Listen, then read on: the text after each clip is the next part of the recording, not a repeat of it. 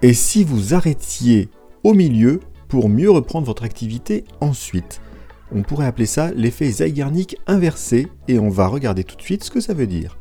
Bienvenue, vous êtes sur le podcast J'ai pas le temps pour ça, proposé par Eric Boucher. On partage des trucs, des astuces, des méthodes, des outils pour être plus efficace au quotidien et terminer la journée plus tranquillement.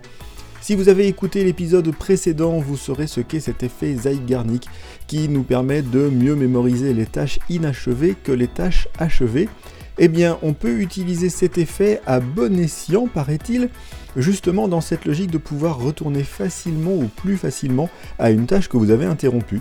C'est en tout cas la proposition de cet article sur Fast Company dont je vous mets le lien pour ceux qui voient le texte de cet épisode du podcast.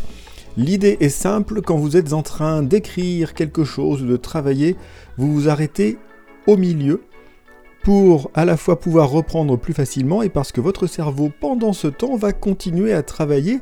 Justement, c'est ce que nous disait l'effet Zeigarnik, que la tâche inachevée va rester dans notre mémoire et ça peut être une manière aussi de continuer à faire travailler votre cerveau pour que quand vous allez reprendre la tâche, il ait plus de facilité à rentrer dedans.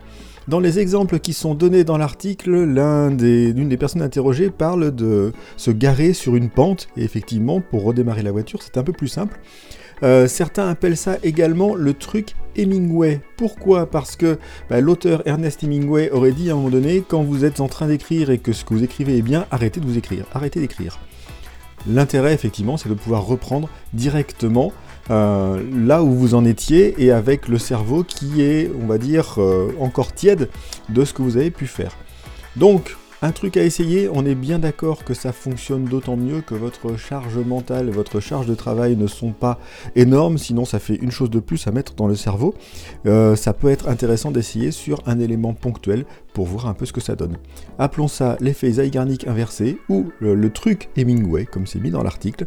Et donc, finissez quelque chose au milieu, laissez mûrir et reprenez-le directement. Voilà, c'était j'ai pas le temps pour ça. En moins de 3 minutes, une idée, une astuce, un truc pour être plus efficace et terminer la journée plus tranquillement.